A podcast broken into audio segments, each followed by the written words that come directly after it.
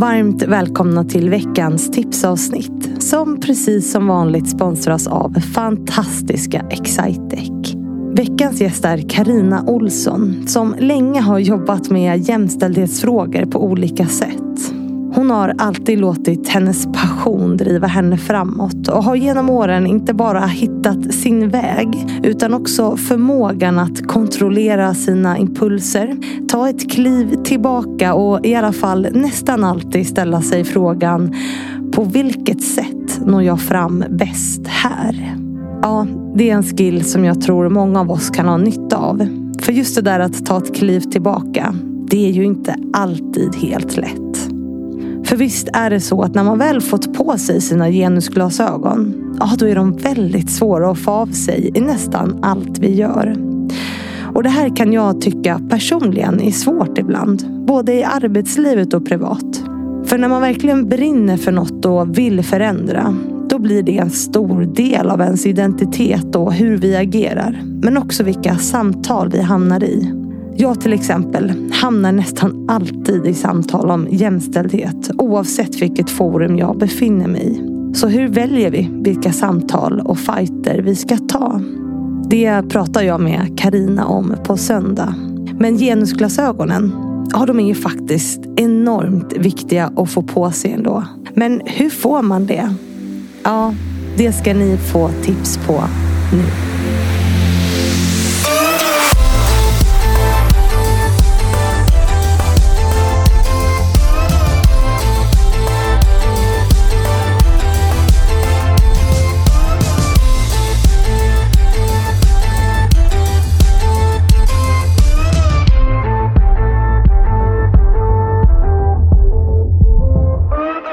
Då säger vi varmt välkommen till Karina Olsson.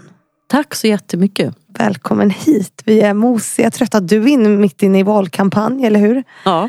Eller vad säger man, valspurt? Valspurt är det nog nu för nu är det ju inte ens en vecka kvar. Nej, nej, nu är det väldigt, väldigt mm. kort tid kvar till valet. Eh, och det, är ju, det här är ju, så nu är det ju en mån, ungefär en månad sedan vi spelade in det här avsnittet. Jag brukar lägga en månad ja. i förväg. Vi, har, eh, vi är mosiga efter en timmes samtal som har handlat väldigt mycket om dig såklart. Det är därför du är här. Eh, men olika val i livet. Du har gått ifrån att vara högstadielärare till att bli politiker.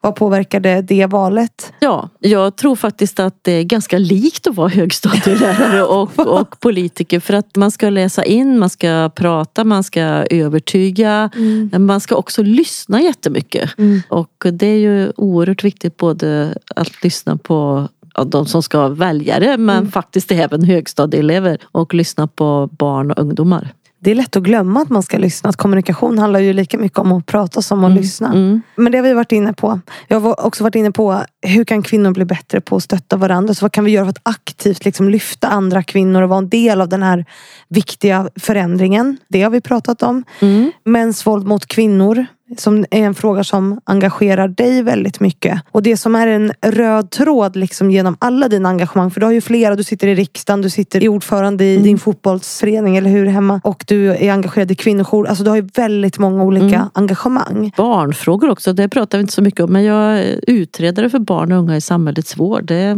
kan vi ta i ett annat program. Det, kan vi, åh, det låter också superintressant. Varför kommer vi aldrig in på det? Ja, du ser, ja. det är svårt att hinna med allt. Ja du gör på en timme. Men du har en, en röd tråd genom allt du gör och det är jämställdhet. Mm. Vilket jag tycker liksom är, är, ganska tydligt. Och i ditt avsnitt pratar vi också om det här att man liksom ständigt då har på sig sina genusglasögon. Mm. Men att det inte är alla som har dem på sig. Eller hur? Nej. Eh, utan då får man börja fundera lite på det här med manligt, kvinnligt, eh, och värderingar, hur man mm. möter olika människor. Och börjar man göra det och tittar på det, då kommer de att komma på ganska snabbt. Alltså de, man behöver inte sätta på sig dem själv utan de bara så är de där. Och hur får man på sig dem? Jag vet ju hur jag fick på mig dem. Men hur, hur får man? Ja, dels kan det ju vara händelser, enskilda händelser som man råkar ut för själv. Eh, det kan ju också vara att man läser, alltså öppnar bara en kvällstidning eller lyssnar på en, en debatt. Så för att man ser också att både bemötande och också det som, som kvinnor och män råkar ut för i, i vardagen också faktiskt. Det påverkas väldigt mycket av att det är ojämställt. Mm. Och då, då tänker jag så här, det är ju ändå att se det i medierna. Det kräver ju ändå att du har på dig dina genusglasögon. Mm. Mm. Vilket gör att det är väldigt många människor som inte ser det här som vi pratar om. Så vad skulle du säga då till de som lyssnar nu, för många av de som lyssnar har ju genusglasögonen på sig. Mm. De är intresserade av de här frågorna. Vad ska de säga till någon som inte har det? Om det blir ditt tipsavsnitt. Vad säger jag till någon som liksom uppenbarligen inte har sina genusglasögon? Du sa ju själv också ett tips som jag också har använt många gånger. Att man vänder på perspektiven. Mm. Alltså man vänder på ja, kvinna, man då. Och då blir det ju för många en aha-upplevelse. Sen kan det ju vara också starka berättelser som, som man också tar upp. Mm. Också som man berättar för någon. Och så ber den personen själv reflektera över hur skulle du gjort eller vad tycker du att det här är rättvist? Så, så det kan ju vara en, en sån som man först börjar att övertyga någon att det här är verkligen någonting som är mm. intressant. Sen kan det vara en del män har ju reagerat kanske först när de har fått en dotter och ser att oj, vad hände här nu då? Alltså, är det här möjligt? Eh, jag som är i fotbollen, jag har också stött på tränare som tidigare har varit genuina herrlagstränare. Och så helt plötsligt då när de har varit damtränare ett tag och säger Va? Så jag, jag har ju stött på sådana tränare som har sagt att jag har fan blivit feminist Karina men det beror på fotbollen att jag sett att det här har ju varit orättvisor. Det här har inte jag ens sett tidigare. Nej.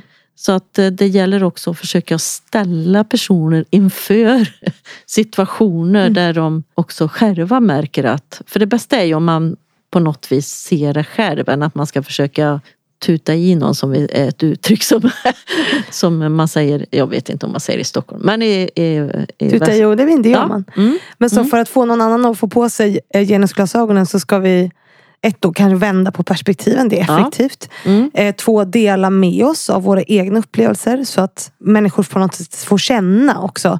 De som inte ser kanske får känna känslan av att det är jobbigt. Och tre, skaffa en dotter. Nej jag skojar. Ja, det kan ju vara så. ja, men det, det är ju faktiskt ett sätt att ta in andras ja. perspektiv. Mm, definitivt. Eh, och det är synd att det är det som ska krävas men det är ju effektivt. Det är det effektivt. Mm. Och du är här som förebild idag. Och då brukar man få säga om man själv har några förebilder. Har du någon? Jag har ju, alltså min starkaste förebild är min mormor som mm. inte finns längre. Och mm. när jag säger det så... Ah.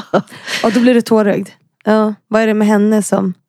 Hon var så otroligt stark och hon lät oss, när vi var barn så fick vi alltid prata till punkt. När man kom hem till mormor på kalas så var det ett jävla väsen får man säga. Inte av att det var ovänskap utan alla pratade högt man diskuterade och, och det, hon samlade massa folk jämt och hon tyckte om att det var kalas. Och hon, så hon levde på något vis. Jag tror inte hon skulle säga att hon var feminist. Det tror jag inte. För jag tror inte nästan att hon visste vad det begreppet innebar. Då. Mm. Men hon, hon levde jämlikhet och jämställdhet. Och hon blev änka när hon var 50 och liksom fortsatte att sköta en gård och tog körkort och så här också då när hon var 50 eh, som då var på 50-talet. Mm. Så att eh, hon var otroligt stark. Samma när jag utbildade mig och engagerade mig politiskt så jag var äldsta barnbarnet också. Eh, så då, då var hon väldigt, väldigt stolt och eh, då kanske inte jag tänkte när jag var yngre att mormor är min förebild men desto mer jag har tänkt på det i vuxen ålder också då så att eh, så har jag känt att, ja, mormor. Du blir alldeles tårögd när du ja, pratar ja. Det är fint. Men du, då säger vi tack Carina för att du varit här nu. Och så säger vi åt de som lyssnar nu att de ska lyssna på söndag helt enkelt. Så tusen tack. Tack så mycket. Och tusen tack till alla er som lyssnat på veckans tipsavsnitt. Jag hoppas ni får en fortsatt bra vecka och sen så hörs vi ju på söndag igen.